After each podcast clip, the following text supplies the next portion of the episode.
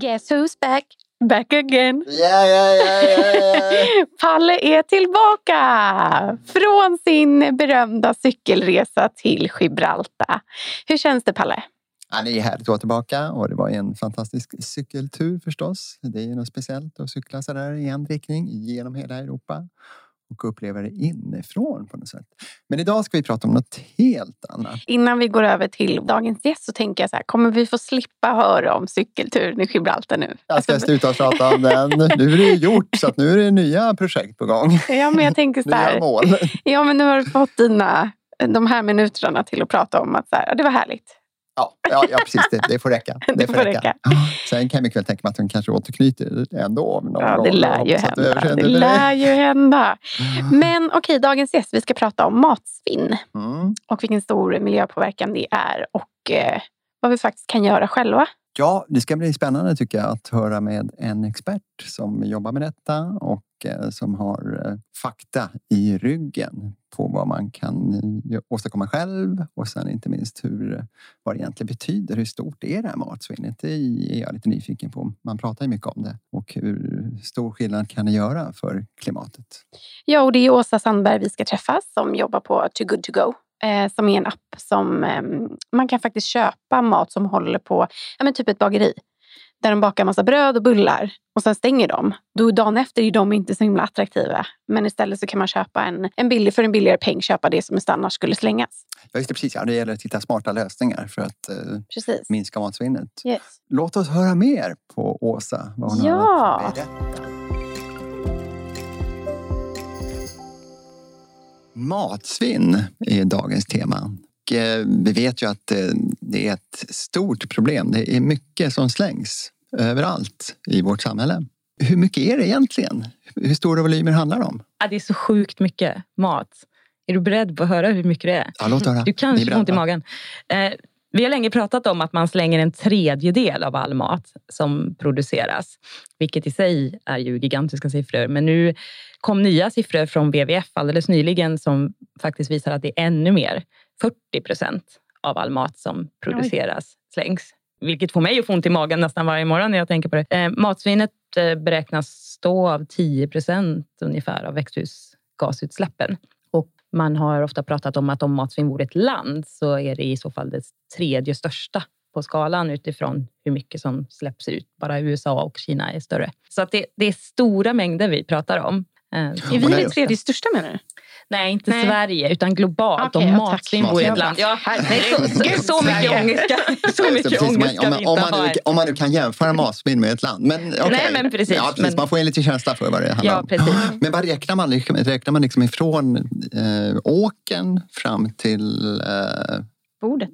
Ja, eller var börjar man liksom? Ja, det kan man ju egentligen säga. Matsvinn finns i hela kedjan. Och man brukar prata om skillnaden mellan matavfall och matsvinn. Matavfall kan ju vara sånt som till exempel i hemmet kan vara ben och skal och sådant som vi faktiskt inte äter. Medan matsvinn är sådant som har producerats för att vi faktiskt ska konsumera det. Det ska landa i våra magar men det av olika anledningar slängs. Så att det finns i hela ledet. Och vad i livsmedelskedjan sker det största svinnet? Det största svinnet sker faktiskt i hemmet. Mm. Så att det, är, det är vi tre som sitter i det här rummet. Vi är bidragande orsaker till att det svinnas så mycket. 70 procent eh, svinnas i hemmet brukar man säga i Sverige. Och där behövs ju verkligen stora åtgärder för att vi ska, vi ska komma till bukt med det här problemet och beteendeskiftet som faktiskt behöver göras. 70 procent? 70 procent. Palle, det är du och jag. helt otroligt. ja, verkligen. Hade jag fått gissa så hade jag kanske sagt eh, hälften. Ja, nej men eh, verkligen så. Och sen är det en utmaning kring det här med hur mycket som svinnas eller inte när man kommer till att mäta till exempel. Det där är jättesvårt att få fram siffror. Man brukar säga, det är Naturvårdsverket som, som mäter i Sverige. Och eh, de senaste mätningarna gjordes 2018. Och där säger man att vi svinnar ungefär 95, eller 95 kilo per person kan man säga, eller i matavfall. Men av det är 45 kilo då matsvinn. Men det är svårt för att det säger sig nästan själv för att få tillgång till siffror som till exempel matsvinn i hemmet. Ja, men då måste man dels vara, ja, man måste källsortera, Mm. men man måste också vara väldigt eh, beroende av individens hjälp i att sortera. och att mäta och att Eh, myndigheten själv ska gå in och göra plocktester i, i våra sopor egentligen för att få fram rätt siffror. Så att det är en utmaning och det är utmaningen i hela kedjan faktiskt att få fram ordentliga, riktiga mätetal för hur mycket svinn det faktiskt är. Men det kan ju inte bara vara vi. Alltså jag tänker på restauranger och eh, matbutiker och sånt. Alltså jag menar, vi pratade om det innan du kom också. Att här, man sorterar ut fula frukter och grönsaker för att de inte är estetiskt snygga. Precis så är det ju. Och det där är ju väldigt intressant att titta på. Ehm, svinnet finns i alla led och eh, återigen, det nästan förvånade mig också när jag började jobba med frågan både på Coop där jag har varit tidigare men också på Too Good To Go där jag är nu. Att svinnet faktiskt var så stort som 70 procent i hushållet. Jag trodde faktiskt att den var också större i olika delar av kedjan. Man vill ju ändå tänka att men de här stora företagen, det måste ju vara sjukt mycket svinn. Ja, det är sjukt mycket svinn. Men det är ännu mer svinn i den senare delen av kedjan. Och det varierar faktiskt geografiskt beroende på globalt vart vi är någonstans. I vår del av världen, liksom de utvecklade länderna, där är det i slutet av kedjan, alltså konsumentledet. Medan det geografiskt sett i mindre utvecklade länder, där ligger det tidigare i kedjan, det vill säga i produktionsled eller jordbruksledet, där man ser att det inte finns lika utvecklad teknik, till exempel kylmöjligheter, logistik, mm. för att kunna hantera maten på ett, på ett bra sätt. Men där vi pratar om det här med, med sortering av eh, frukter, grönt som inte ser ut som, ja, men som vi vill. Det där är ju ett jätte, ett jätteproblem. Ja, men det är sjukt tycker jag. Ja, det är sjukt. Ja. Och det visar också lite grann på komplexiteten i frågan. För att det är ju redan så att i liksom den första delen av kedjan, det vill säga jordbruket, bonden till exempel. Ja, men om det inte finns en marknadskraft som säger att vi som konsumenter kan acceptera att köpa en tomat som har ett, har ett litet hack i eller ett äpple som har en liten brun prick på. Varför ska bonden lägga tid på att sortera ut det och sälja det då till butiken för att butiken ska sälja det till individen när vi inte vill ha det? Så att det visar också på komplexiteten i, i hela kedjan här att vi som individer och konsumenter har mycket större kraft och det, de beslut som vi gör i slutet på kedjan påverkar verkligen tidigare i kedjan mm. de val som behöver göras där. Men kan man tänka sig en lite olika prissättning då? Allt eh, de här frukterna eller vad det nu kan vara för någonting, brödet som är på väg att gå ut i tid. Eh, att de kan bli billigare till exempel? Absolut, det skulle man kunna tänka sig. Genom en sofistikerad prissättningssystem? Absolut, det här, nu affärsutvecklar vi här. Det är underbart. grejer. ja. Nej, men... Det låter det. det låter, det låter. Men du har rätt i det och eh, det är ju anledningen till att, att vi försöker hjälpa restauranger och kaféer och butiker just med att när de har mat över i slutet på dagen så kan de via Too Good To Go lägga upp det på vår plattform och så får användare som har laddat ner vår app köpa det till en tredjedel av priset. Det är inget fel på maten. Det är bara att nästa dag så har vi som konsumenter någon typ av beteende som säger att vi kan inte köpa en bulle som var bakad dagen innan. Det går inte. Så att det finns ju en massa olika initiativ för att jobba med att minska matsvinn i till exempel butik. Och det ena kan ju verkligen vara prissättning och att försöka med rabatterade priser att få en vara att bli såld innan bäst före-datumet då tar slut. Men återigen till de här eh, lite fulare, fulare frukt och grönt, den problematiken som ju finns. Där handlar det återigen om att finns det en marknad? Kommer vi köpa bananen som är lite brun till ett billigare pris eller inte? Mm. Men, men, mm. men i butik absolut jobbar man ju med prissättning där man kan försöka göra allt man kan för att få produkten i individens mage. För det är ju där vi vill att den ska hamna. Vi vill inte att den ska hamna varken till biogas eller faktiskt till förbränning heller. Det, vore ju, det är det sämsta såklart. Ja, men jag tänker när man går på sådana här, vad heter det, torg och det står någon bonde där och säljer sina grönsaker. Då ser de ju ut som ja, som de egentligen ska. Gurkan är liksom eh, som en liten vad ska man säga, rosett. Eh, och det är nog mysigt med det. Men jag kan inte förstå varför man inte kan göra det i matvarubutiken. Nej, det är en väldigt bra fråga Ja. tycker jag. Och, och där ser vi ju också en, vi ser lite en, en trend eller ett skifte som verkligen handlar om att man, vi ser den yng, lite yngre generationen då som verkligen vill odla hemma, vill odla mer, kolonilotter etc. Och vi tycker det är mysigt att gå på marknad för att det känns mer genuint och då har vi liksom inga problem att köpa de där morötterna eller Nej. bananerna eller något. Men så fort vi går in i butiken Nej, då baske mig. Då, Då är det en annan nej, då är det en helt annan, då är det en helt annan Ja, då sång. ska det liksom vara kliniskt rent. Ja, precis. visst. Ja. Är det så? Och, eh, och det är bara att gå till sig själv Mm. hur man agerar eh, Mm, i, mm. i en affär när man går in där och handlar. Mm. Jag tänker på när man går och handlar återigen då och att de sorterar bort det. Är ganska mycket. Så man, ibland kan det liksom vara hälften utav äpplen till exempel. Liksom, de bara slänger sådär. Fast de, ja, just det, precis. Och det är liksom bara ett litet, litet märke på. Den här attitydförändringen som egentligen kanske behövs här. Hur ska man åstadkomma det? Ja, nu, det var the million dollar question som du det, tänderna till. Ja, Ja, ska du ha. precis. Det. precis. det krävs väldigt mycket olika typer av in, insatser för att få bukt med den här problematiken och normen. Jag brukar hävda att det ska liksom, vi måste komma till att det ska göra ont i magen när man slänger mat. Och det är verkligen i alla led. Och där handlar det ju både om utbildning, till exempel de här äpplena som du pratar om här. Vad kan butiken göra? Både utifrån kvalitet och miljö och liksom lagar och regler. Vad får de göra med de där äpplena till exempel? Kan de förädlas? Om de har ett kök skulle de ju kunna förädla dem, kanske göra smoothies och sälja till ett pris så att konsumenter kan äta de där äpplena. Fast det var ett litet hack i äpplet till att säga.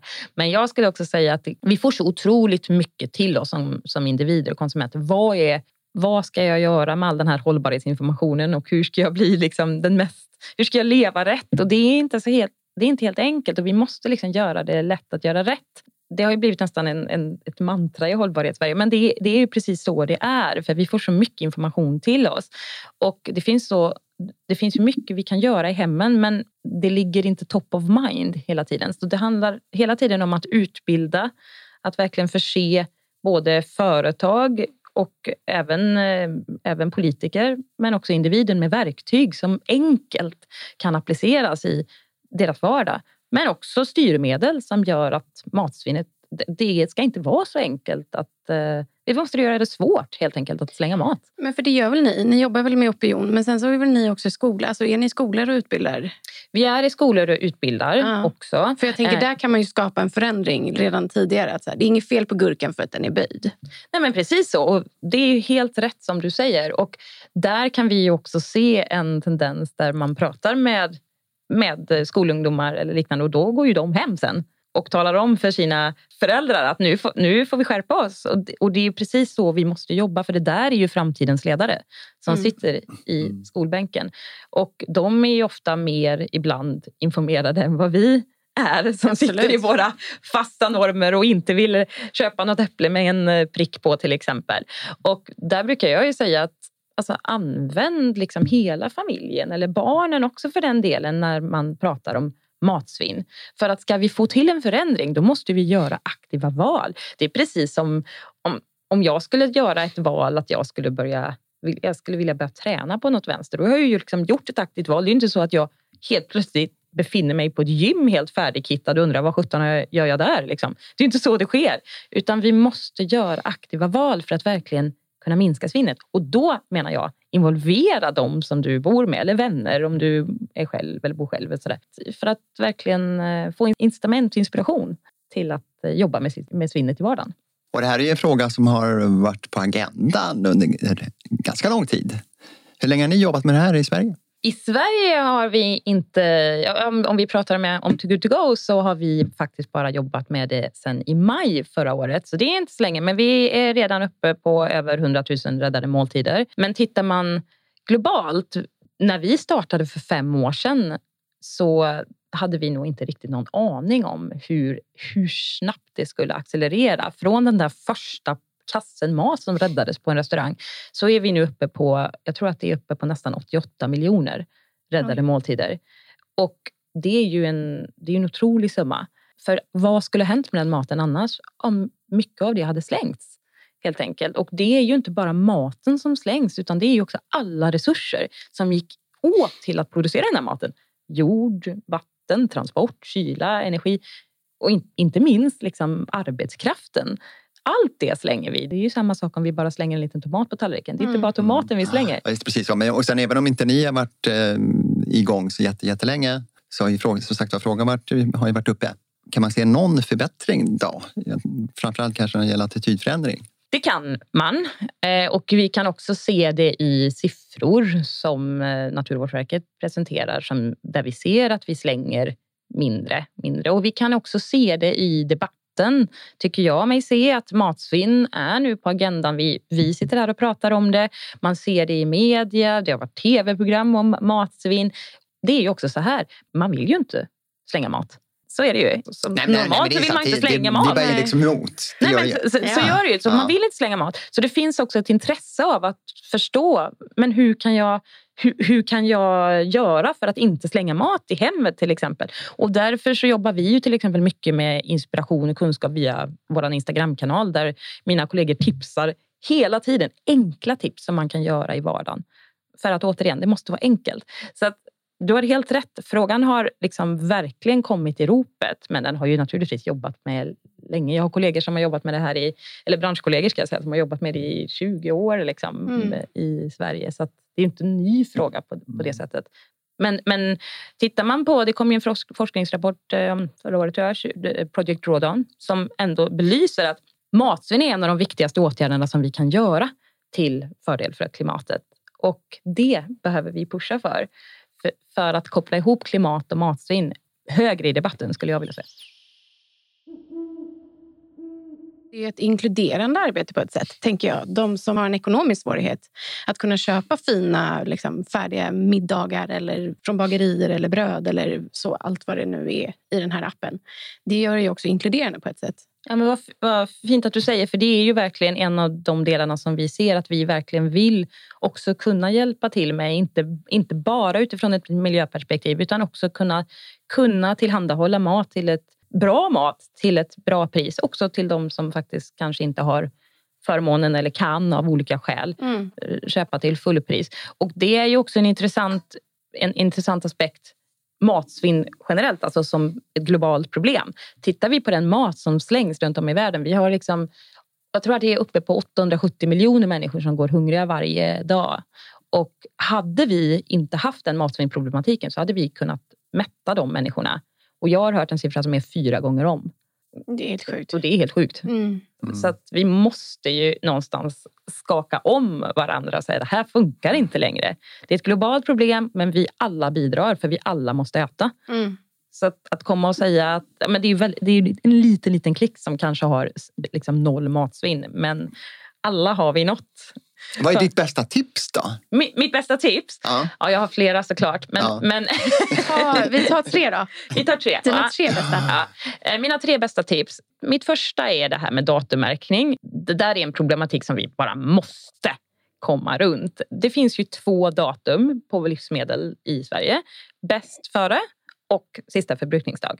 Sista förbrukningsdag är ofta på kött och fisk. Det ska man inte gå över för då finns det liksom kval- kvalitetsrisker med det.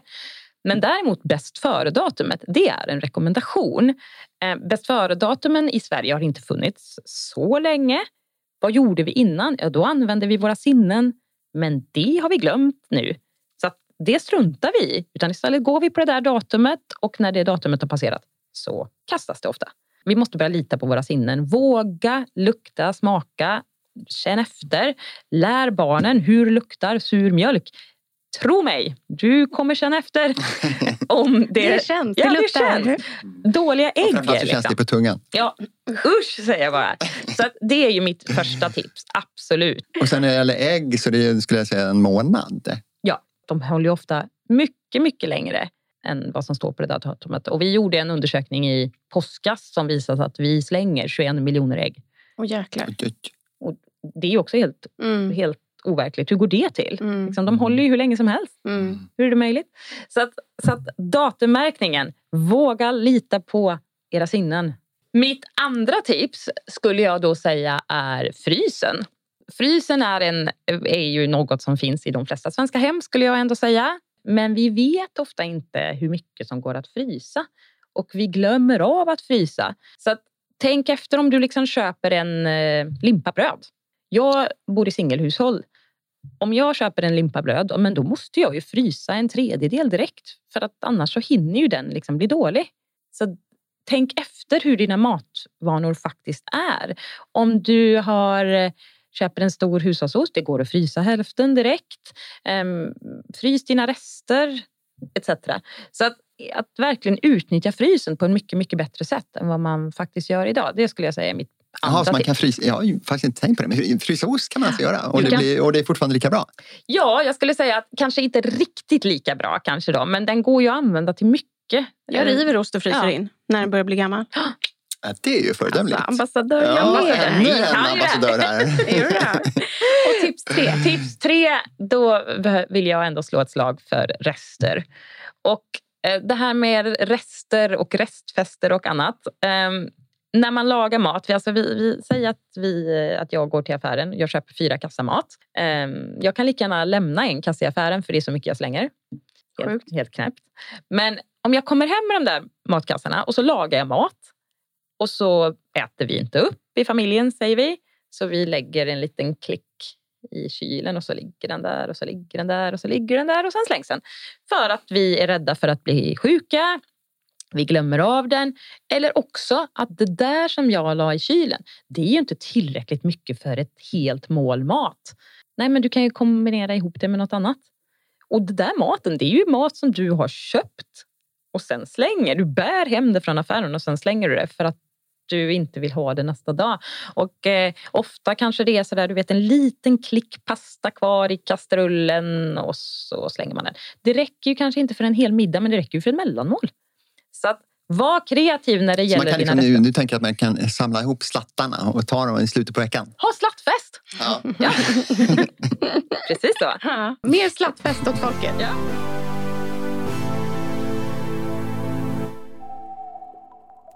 Översvämningar. Nuläge. Tillsatser i maten. Svårt blir mitt ord. Um, dels att uh, vissa tillsatser kanske behövs men är ändå inte liksom, hållbara eller bra utifrån vissa aspekter. Men gör att livsmedlet håller längre. Så att, komplex, komplex fråga. Blåbär. Skogens guld. Jag älskar att plocka blåbär. Jag älskar att äta blåbär. Jag du är blåbär. Jag är blåbär. Hela min frys är full av blåbär. Konserver eller färskvaror? Färskvaror. Alla kategorier. Jag tänker att konserver håller ju längre. Det är inget bäst före där du. Nej, det är helt sant. Men färskvaror är godare. Höst eller vår? Åh, svårt. Älskar båda vår. Vår för grönska, nytt, fräscht, glädje, sol. Nypåfödelse. Precis. Storstad eller småstad? Storstad, fast jag kommer från en småstad. Ja. Men du väljer ändå storstad? Jag väljer ändå storstad för eh, jag bor i storstad. Möjligheter till, eh, till påverkan, möjligheter till eh, samarbeten socialt, kultur på en helt annan nivå som jag i mitt liv tycker är fantastiskt roligt. Och mina vänner är här. Storstad.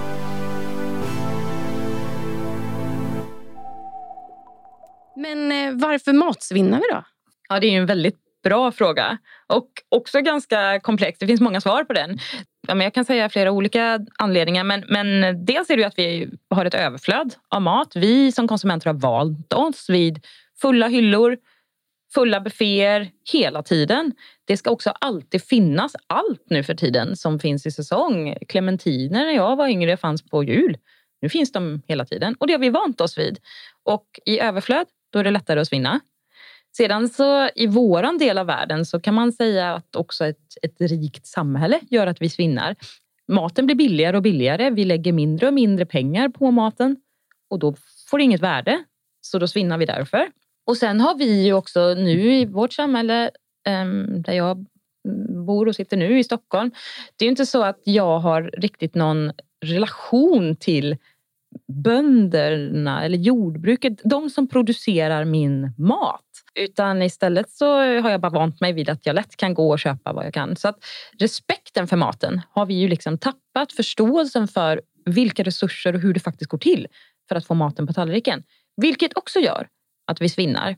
Sen är det ganska intressant. Too Good To Go gör eh, löpande undersökningar, konsumentundersökningar av olika sorter. Och där ser vi ju att individen vill inte svinna. Men man har ingen aning om hur mycket man, man svinnar. svinnar. Utan man tror liksom att det är någon annan som gör. Men det stämmer ju naturligtvis inte alls. Utan alla svinnar. Och det kan handla om, precis som jag nämnde tidigare, både datummärkning och eh, att man är rädd för att bli sjuk. Men också för att det finns liksom ingen norm som handlar om att det gör ont att slänga mat. Ja, vi säger det, men vi gör det ju allihop ändå. Men jag tänker också att det kan ha med generationsskifte att göra. För att jag menar, jag är inte så himla... Eller respekten för mat och släng och svinn och allt sånt föddes ju inte jag upp med på samma sätt som jag kan höra mina morföräldrar som bara, man slänger inte mat. De äter hellre upp min tallrik då. Eller liksom att man, man höll på maten så mycket mer. Så jag tror att det, det du säger är att ja, men det där med att vi blivit rikare eller vi inte förstår innebörden med att det kommer från åker till bord på ett annat sätt. Men jag tänker en sak kan ju vara att alla måste tvingas att ha ett litet mini växthus hemma. Alltså på balkongen eller i köket. Så bara så här, hur lång tid för att få de här två tomaterna? För det är, jag har ju precis börjat odla. ja, och sen framförallt, man stänger inte det man har odlat själv. Nej, Nej, oavsett hur de ser ut. Min gurka var otroligt osmickrande. Men jäklar vad god den var. Mm. Men jag tänkte då också när jag hade börjat liksom odla så tänkte jag så här, men nu i sommar ska jag inte köpa några grönsaker. Jag ska bara ha mina egna. Men det är ju inte Alltså man får ju typ två tomater. Alltså bara den förståelsen också behöver man ju ha. Så här, shit vilken tid det tar och vad mycket jobb det är för de här två ja, tomaterna. Jag tycker det låter som att vi ska konsultera en agronom eller hortonom eller något sånt där. Ja men ni förstår ju vad jag menar. Alltså, så här, det är ju mer respekten av att eh, om alla får ett litet växthus, här, nu ska du leva på det här. Det här ska vara närodlat. Du ska bli självförsörjande den här sommaren. Ja, det är inte så jäkla lätt. Jag tycker det låter som en fantastisk idé. Eller hur? Ja. Kan Verkligen. du säga det till politikerna att alla måste få ett litet växthus och så får de odla? Lätt, ja. den tar jag. Hela den Sveriges befolkning. Ja, Bra. hela Sveriges befolkning det. behöver få ett. Men det är ju intressant. Och har man inte trädgård hemma så kan man ju ägna sig åt uh, stadsodling. På taken. Oh, gerillaodling kanske till och med finns mm. ju. Alltså, du, vi har ju ja, ja, ja, idéspån som ja, ja, sker nu känner jag här på, på morgonkvisten. Men det är ju rätt som du säger att, att vi behöver incitament vi behöver öka en förståelse. Och vi behöver också ändra lagar och policies så att det, blir, så att det inte blir svinn till den, i, den, i den utsträckning som vi faktiskt har. Det kan ju vara allt från, vi pratade om datummärkningen förut, hur den skulle kunna ändra de lagar och regelverken som styr det. Det kan vara fiske. Vad gör jag med fångsten som jag får upp som kanske går över den maximala tillåtna andelen som jag faktiskt har? Vad gör jag med den? Vad finns det för regelverk kring det och hur kan man ändra, ändra det regelverket? Och det kan ju också vara det här med frukt och grönt som vi var inne på tidigare. Kosme, den kosmetiska liksom, delen av, av regelverket. Att vi måste ändra så att det faktiskt är okej okay för bonden att sälja bananen och moroten som inte kanske ser ut som de andra och faktiskt få bra betalt för det. Och sen brödet är ju verkligen en, ett sorgebarn i det här sammanhanget. Du såg att jag rullade nästan ögonen här nu. Jag gick sådär och slet Varför mitt hår. Varför brödet ett ja, jo, nej, men, just det där att man, till att börja med, jag köper ju själv ogärna bröd som är lite för gammalt. Man vill liksom inte känna sig lurad. Jag vet inte om det kan vara en sån grej lite grann. Att man betalar ett pris för att få färskbröd. Men sen har jag ju sett då, jag har ju varit i nära etanolfabriken i Norrköping. Där de använder ju vete då som råvara.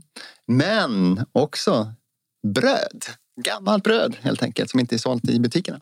Så det skeppar man alltså då till den här etanolfabriken som blir eh, en bränsle då för Bussar och liknande. Mm. Bröd är ju ett sorgebarn. Det tycker jag var rätt beskrivet av flera olika anledningar skulle jag säga. I hemmet är det precis som du säger, vi vill ha färskbröd. Vi älskar liksom känslan av färskbröd. Men där handlar det också om utbildning. Visst, bröd blir bättre om man gör till exempel en toast på, en, på, på ett bröd som har gått några dagar.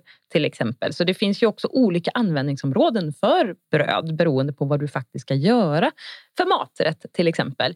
Och återigen, frysen och hur du förvarar ditt bröd eh, spelar också roll. Sen har vi också brödproblematiken i butikerna. Det vill säga att brödleverantörerna, våra stora, de äger brödet och eh, det gör inte butikerna. Så att i slutet av dagen eller på morgonen så plockar man tillbaka brödet som inte är sålt. Vilket gör att det brödet som då inte blir sålt går tillbaka till, ja vadå? Mm. Och det är klart att det görs olika, olika saker med det brödet. Men det gör ju att butiken har inget incitament att sälja ut det brödet eller göra någonting med det brödet. Vilket då skapar svinn. Och det finns absolut modiga aktörer som har tagit tag i den här frågan och kunnat minska sitt svinn genom att själv ta ansvar för brödet. Och sen finns det ju också att man pratar om det cirkulära tänket kring till exempel bröd, där man tar brödet och gör öl av brödet. Men de har också tänkt ett steg längre för det blir biprodukter av den här produktionen av ölet. Och den biprodukten, vad gör man med den? Baka bröd. Mm, det går om och om, om. Det går om och om igen. Ja, men det här låter ja, Jag tänker just matbutiker, jag tänker just på Too Good To Go. Det är ju sällan man ser dem med. Men jag tänker det finns ju olika organisationer som eh, de ger mat till. Typ så här, barn till ensamma mammor. Men jag tänker, de borde ju vara med Alltså mer tycker jag matbutiker. För de, dels bröd, de bakar eget bröd, de gör olika röror. De, alltså de har ju väldigt mycket färskvaror som de gör inhouse i butikens kök. Vad händer med det? Ja, men precis så, du har helt rätt. Och eh, vi jobbar på alla marknader med, eh, med matbutiker. Det är vårt största segment faktiskt. Så att, vänta bara så kommer, vi till Sverige, kommer det även eskalera över hela Sverige också.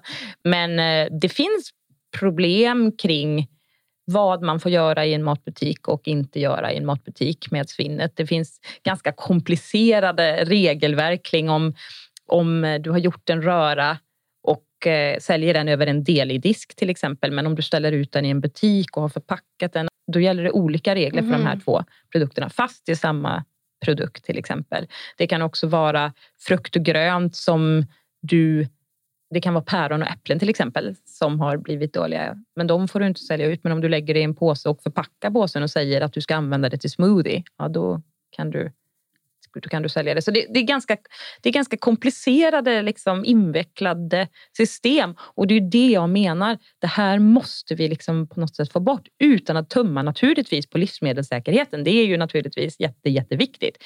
Men det finns ju runt om i världen där vi importerar ifrån så använder man sig av andra metoder och regler eh, som, som just tillåter det där.